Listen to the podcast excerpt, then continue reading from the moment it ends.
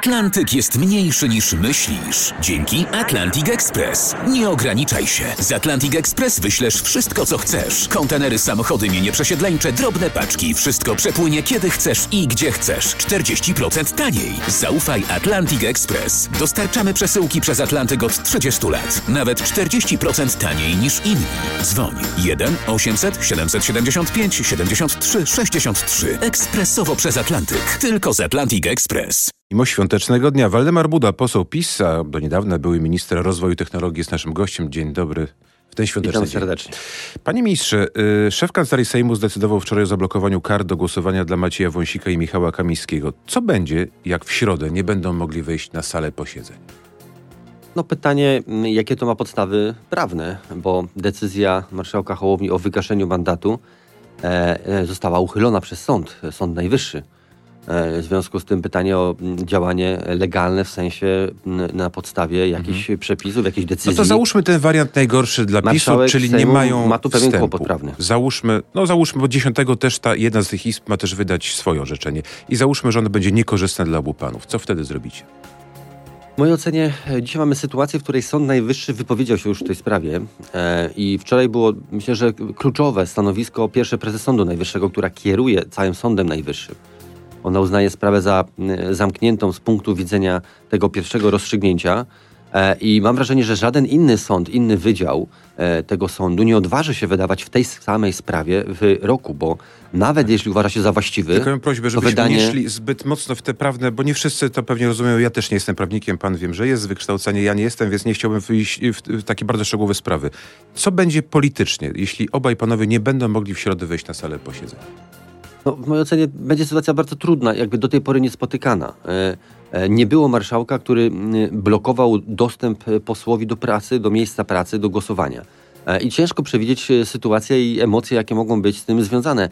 Marszałek Sejmu odpowiada za bezpieczeństwo, za spokój, za normalną pracę parlamentu. I pytanie, czy udźwignie ten ciężar, bo komikowanie, he- heheszki, e, wiemy, że to jest jego mocna strona, ale on musi zapanować nad panem Braunem, bo to jest jego rola, nie zapanował. On musi zapanować również nad sytuacją, która będzie się działa 10 i 11 stycznia. No właśnie. Bo wczoraj Maciej Wosiek w jednej ze stacji telewizyjnych, chyba w Republice, powiedział, że on nie czuje się, żeby był no, nieuprawomocniony do wejścia na salę i będzie chciał wejść. No i pytanie, co wtedy, tak? Straż Marszałkowska go zatrzyma, a jak się zachowa klub Prawa i Sprawiedliwości? Znaczy, Zbojkotuje nie taki tylko- nie- wybór? nie tylko chciał. Y, Obrady? Ale on będzie musiał, on ma obowiązek wejść. On ma obowiązek wejść, będąc parlamentarzystą i Do przy- Sejmu tak, ale tak. na salę posiedzeń już chyba nie. Również, ale przy uchyleniu decyzji marszałka Hołowni nie ma ża- żadnego e, e, dokumentu, który by potwierdzał, że e, on nie może wykonywać swoich obowiązków. Marszałek Hołownia powiedział, że jest listonoszem. Przekazuje do Sądu Najwyższego decyzję, żeby rozstrzygnęło, czy miał rację, czy nie. Została ona uchylona. Więc on dzisiaj nie ma podstaw prawnych do blokowania dostępu do parlamentu. Nie chcę przewidywać, co będzie się działo, natomiast no, myślę, że mm, marszałek, marszałka przerosła ta sytuacja i e, e, no, jest to rozczarowujące, to co mówił na konferencji z punktu widzenia prawnego. Pan tutaj redaktor oczekiwał, że nie będziemy wchodzić w szczegóły, ale jeżeli on sobie wybierał sąd, do którego skieruje, e, e, skieruje swoje no, odwołanie od swojej decyzji, no to to jest no, naprawdę niepoważne. Wczoraj w Polsacie jeden z dyrektorów jego gabinetu tłumaczył, że to nie chodziło o to, żeby wybierać skład se, y, sędziów, tak? tylko żeby po prostu nie wzbudzało to wątpliwości, żeby ten wyrok był jak najbardziej obiektywny. O to chodziło. Ale każdy z, y, y, z y, osób zainteresowanych rozstrzygnięciem Sądu Najwyższego kieruje na biuro podawcze pismo. Ja również jako prawnik y, tego rodzaju wystąpienia kierowałem, a nie wybierałem sobie, do którego sekretariatu ja zaniosę.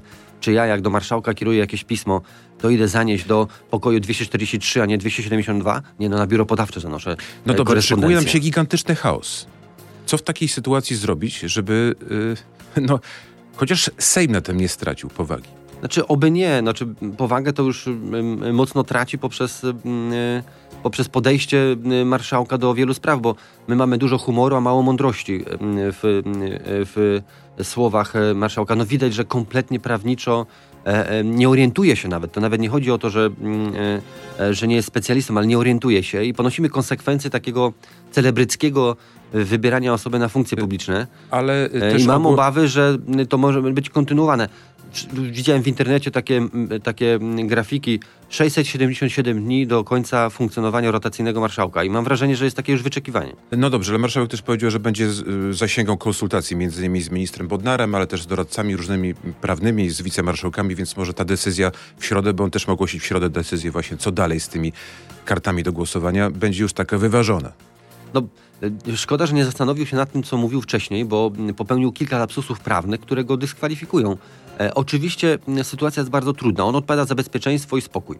I dzisiaj pytanie, czy jakby mm, da radę e, e, tak rozstrzygać sprawę. Pamiętajmy, że marszałek ma charakter koncyliacyjny, bo spory zawsze są. Mhm. Tylko chodzi o to, żeby je łagodzić i rozstrzygać. I pytanie, czy on stanie na wysokości zadania w tej sprawie. Marszałek Hołownia w wywiadzie dla Newsweek, on się ukaże w poniedziałek, ale już są jakieś takie wyjątki i fragmenty, mówił, że straszono go organizacją alternatywnego posiedzenia Sejmu w sali kolumnowej. Czy taka eskalacja jest możliwa też w tym tygodniu, że będziemy mieli dwa posiedzenia Sejmu w jednym gmachu?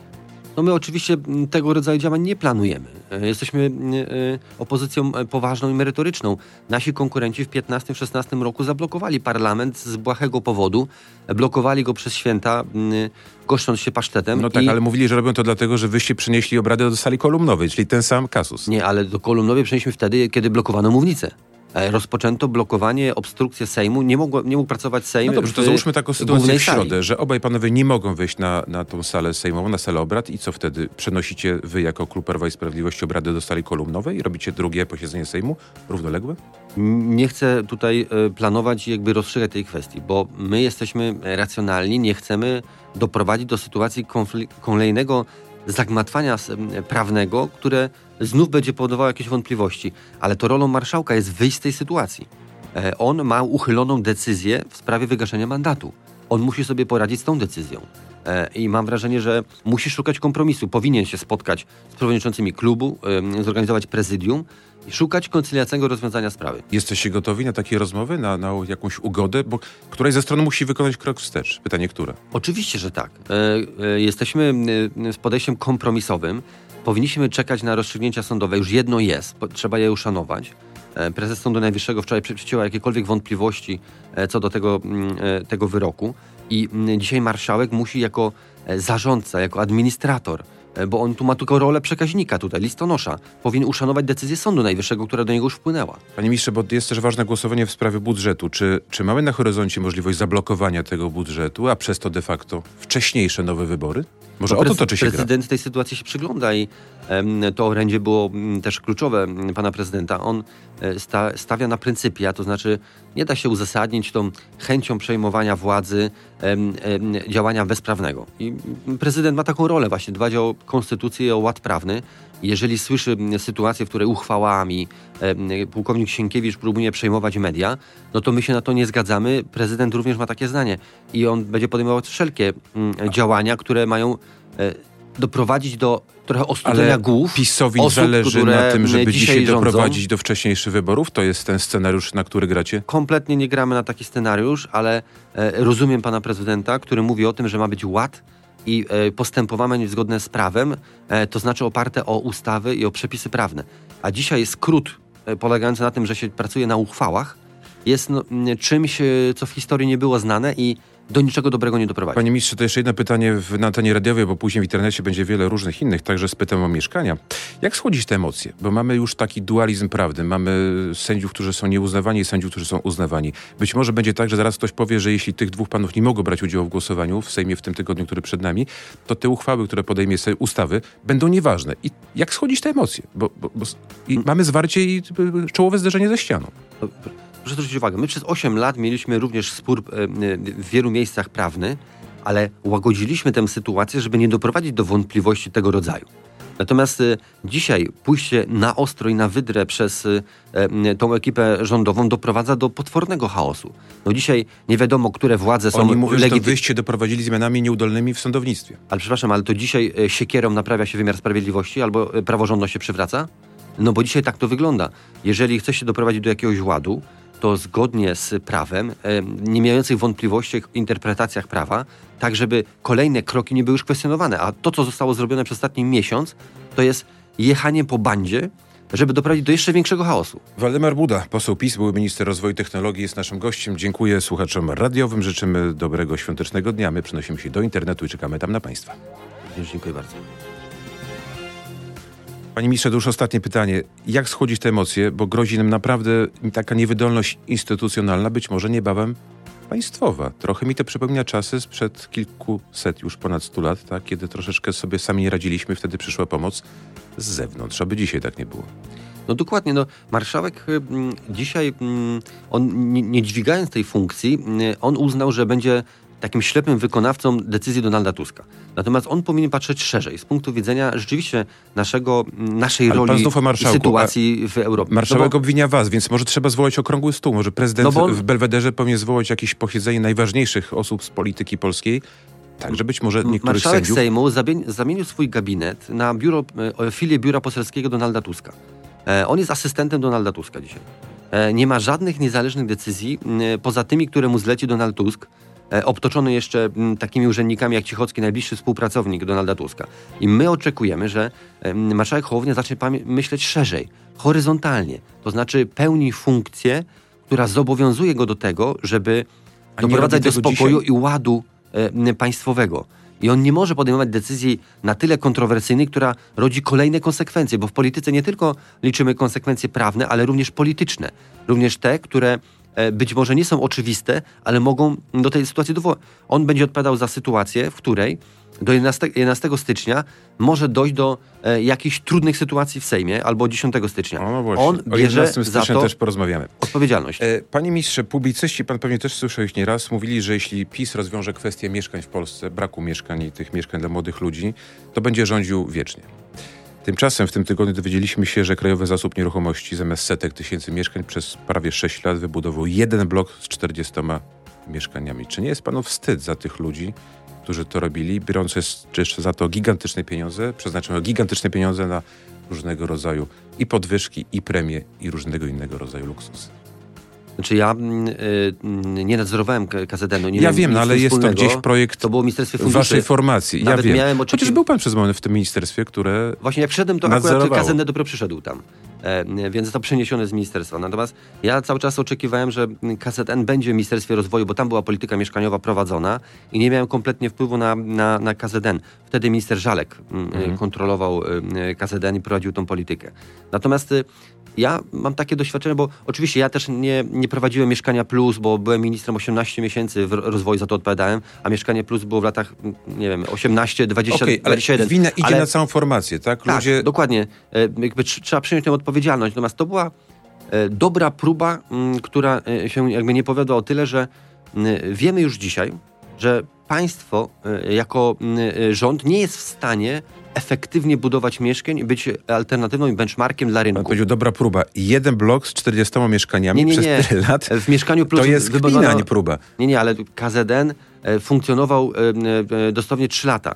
Wobec tego on budował mieszkania, a proces inwestycyjny 4 lata, więc nikt by więcej nie wybudował. Natomiast ja mówię o całej polityce mieszkaniowej, która w pewnym momencie opierała się o chęć budowania przez państwo mieszkań.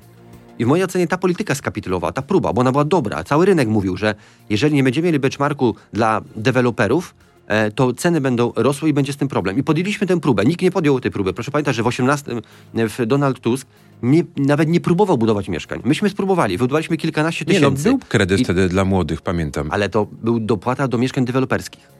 A my uznaliśmy, że trzeba budować przez państwo mieszkania, żeby trochę Dobrze, dać ja bym alternatywę w dla mieszkań uwierzyć, gdyby nie to, e, deweloperskich. Że ci ludzie, którzy za to odpowiadali, okej, może wybudowali bardzo, bardzo mało mieszkań, ale wzięli za to gigantyczne pieniądze. Fundusz nagród przekroczono o 700 milionów złotych. Fundusz wynagrodzeń wzrósł z 1,7 do 9 milionów złotych. No to są gigantyczne kwoty, To są być okrągłe liczby, ale przecież KZN, ale robią wrażenie. Ale on się rozwijał, on zatrudniał kolejne osoby. Więc jak to się podzieli na pracowników, to wyjdzie po kilkaset złotych. Znaczy nie żyjmy takimi newsami, bo możemy tutaj w redakcji RMF-u powiedzieć, że fundusz nagród miał 2 miliony złotych. I to ogromne zera, 6 zer i coś niesamowitego. A jak podzieli się na pracowników, to się okaże, że pan redaktor dostał 300 złotych. Naprawdę nie, nie, nie myślmy w tych kategoriach, natomiast myślmy o idei rzeczywiście budowy mieszkań. I teraz mamy dwa, dwa jakby można powiedzieć, idee budowania mieszkań i pomocy temu sektorowi. Jedno to jest y, wsparcie nabycia i to powinno być, i kredyt 2% funkcjonował, a drugie to budowanie mieszkań. Ja postawiłem na budowanie mieszkań państwowe, publiczne, ale przez samorządy. I przeznaczyłem na ten cel 2 miliardy złotych w 2022 roku. Uważam, że to jest jedyny, jedyna droga do tego. I to się udało w tym sensie, że rozpoczęliśmy już budowę 12 tysięcy mieszkań w samorządach. I to się dzieje i za chwilę będą tego efekty. E, Dzisiaj e, e, Koalicja Obywatelska mówi, ja wprowadzam kredyt 0%. E, Proszę bardzo, tylko się okazało, że ten zapowiadany kredyt 0% to jest kredyt 0% tylko dla rodzin pięcioosobowych. Natomiast Lewica mówiła o 300 Różnie. tysięcy mieszkaniach e, i mówiła o wielkim programie budowy mieszkań. Gdzie on jest? Nie ma go kompletnie. No, dajmy ja rządowi szansę, to jest dopiero miesiąc. Ja, ale nie ma w budżecie nawet środków na ten cel. O, ograniczono ten mój program budowy mieszkań komunalnych na wynajem, ograniczono o połowę. A miano, miano go pompować do 10 miliardów złotych. Więc ja apeluję o to, żeby zastanowić się nad sektorowym, systemowym działaniem. Ja, ja, ja je rozpocząłem. na to 8 lat. Ja je rozpocząłem, miałem 18 miesięcy na to. Po pierwsze, gigantyczne wydatki, dwukrotnie zwiększone na budownictwo komunalne i samorządy bardzo mocno z tego korzystały, plus wsparcie nabycia pierwszego mieszkania. Gdyby te dwa programy powiększać i e, kontynuować, to za 5 lat byśmy byli w innym miejscu. A co jeśli tej koalicji się to uda? E, proszę bardzo, e, Lewica chce budować 300 tysięcy mieszkań w 5 lat. Kibicuję temu rozwiązaniu. E, na razie nie ma nawet planu na budowę jednego. Mam nadzieję, że coś e, zostanie wymyślone.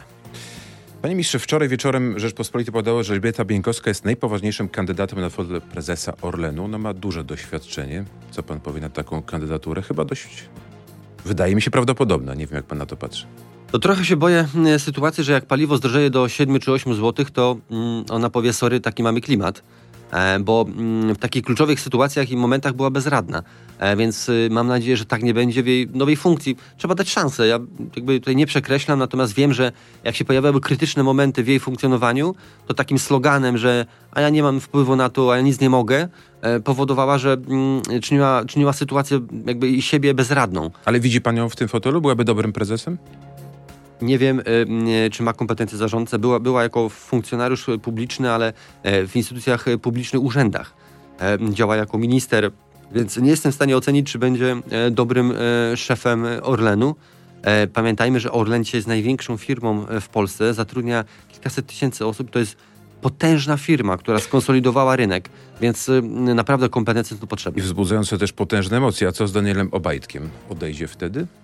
No, mówił tu w tym studiu chyba rok temu, ponad rok temu, że odejdzie sam, jak będą zmiany polityczne. Jeszcze nie odszedł. Przecież, y, przecież to nie jest tak, czy, że on będzie decydował o tym, czy odejdzie, czy nie.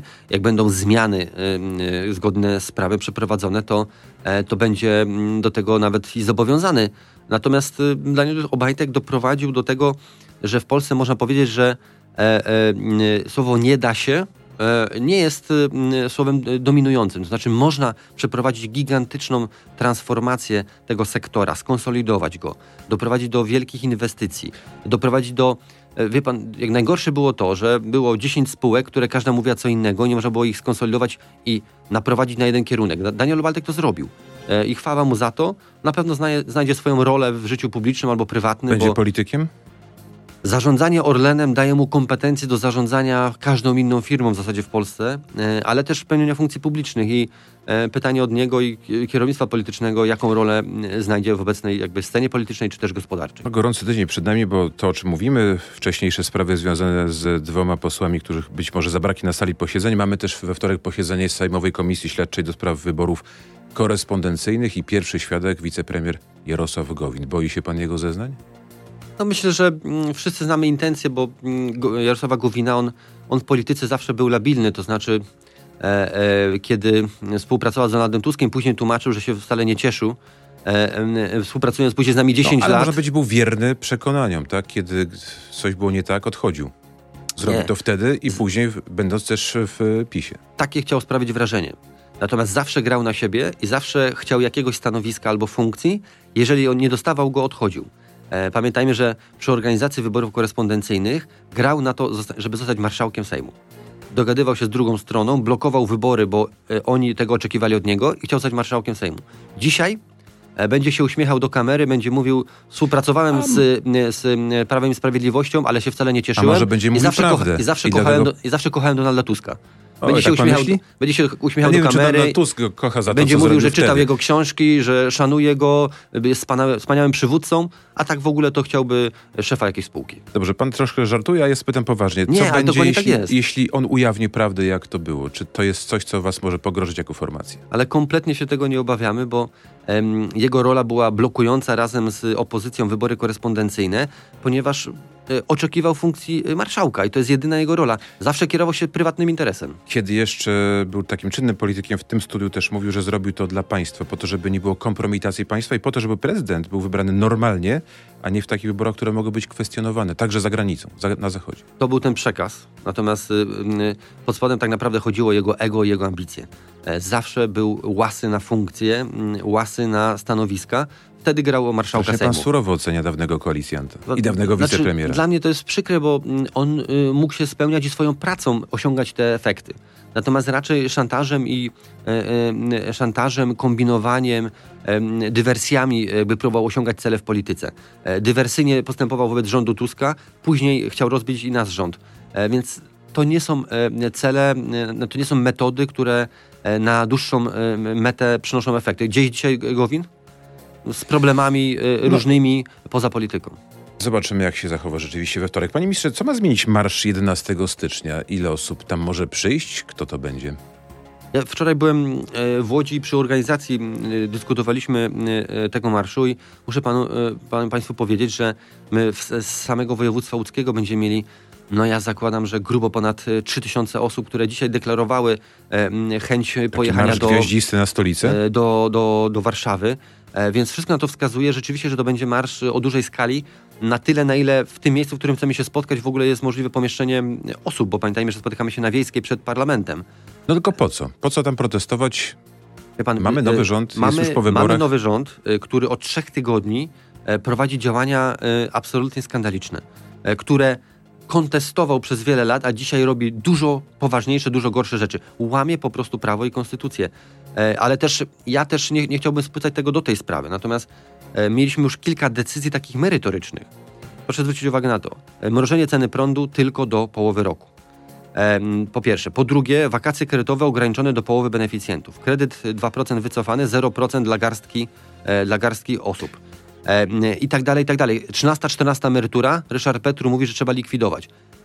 To, co jest przyznane, ma być, miało być nieodebrane. No, Okazuje jeden się, Ryszard Petru to nie jest jeszcze cały rząd. okazuje się, że wszystkie decyzje, jakie są podejmowane dzisiaj, opłata paliwowa miała być No obniżona, dobrze, to jest czemu ten marsz ma być? Bo można powiedzieć, że wy się po prostu nie chcecie pogodzić z utratą władzy i dlatego protestujecie. przeciwko braku wiarygodności e, w polityce.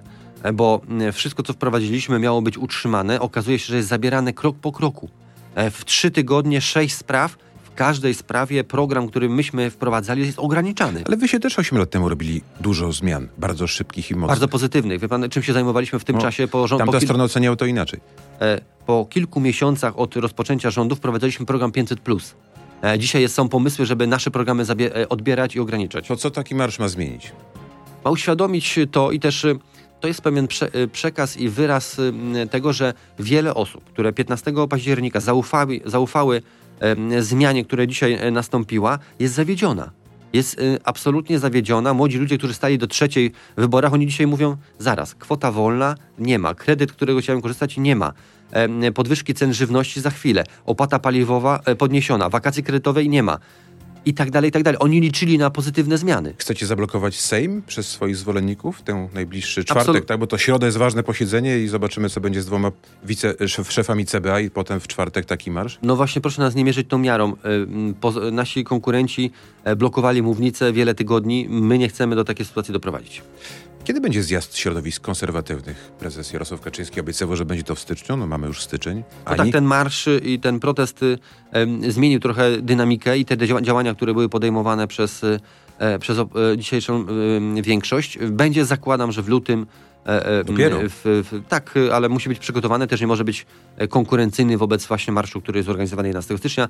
Zachęcam do udziału wszystkich osób, które Polityków Platformy, To- to- polityków Konfederacji? wszystkich tych, którzy dzisiaj widzą, że dzieje się źle, a naprawdę mamy deprecjonowanie prawa, deprecjonowanie konstytucji, mamy skok e, taki, no już nie, nie chcę na to duż, używać dużych słów, ale to, co się dzieje przy zmianach e, w, w spółkach, to, co się zmieni przy zmianach e, w, na funkcjach publicznych, to jest skok na władzę. E, Oni mówili o was to samo 8 lat temu. Panie ministrze, ostatnie Jest dużo pytanie, gorzej, naprawdę. bo przed nami ważne wybory. Najpierw e, te, te samorządowe, później europejskie, ale samorządowe istotne też dla pana. Będzie pan kandydował na prezydenta Łodzi? Nie, nie, nie mam takich planów. e, Już raz podejmowałem próbę. E, e, Wydaje się, że trzeba dać szansę komuś innemu. Jest pan bez szans, dlatego taka biała flaga? Nie, nie, absolutnie nie. Y, Przecież ja osiągnąłem w ostatnich wyborach najlepszy wynik spośród Prawa i Sprawiedliwości. Z drugiego miejsca pierwszy wynik osiągnąłem. Cztery lata temu z trzeciego pierwszy. To kogo wystawi PiS w tym roku? Więc mm, nie wiem tego jeszcze, decyzje przed nami, ale trzeba dać szansę komuś innemu. E, Pamiętajmy, że ci włodarze w dużych miastach, którzy osiągali dobre wyniki, mam wrażenie, że to już się więcej nie powtórzy, bo jakby też doza niezadowolenia z tego, co się dzieje w dużych miastach też jest poważna. E, I wydaje mi się, że to będzie bardzo mm, e, ciężka batalia, trudna dla nas w dużych miastach, ale wcale niekoniecznie przegrana. Zobaczymy. Przy najbliższej okazji się o tym też dowiemy. Waldemar Buda, były minister rozwoju technologii, poseł Prawa i Sprawiedliwości. Dziękuję panie ministrze, dziękuję państwu. Dobrego, spokojnego, świątecznego dnia. Dziękuję również.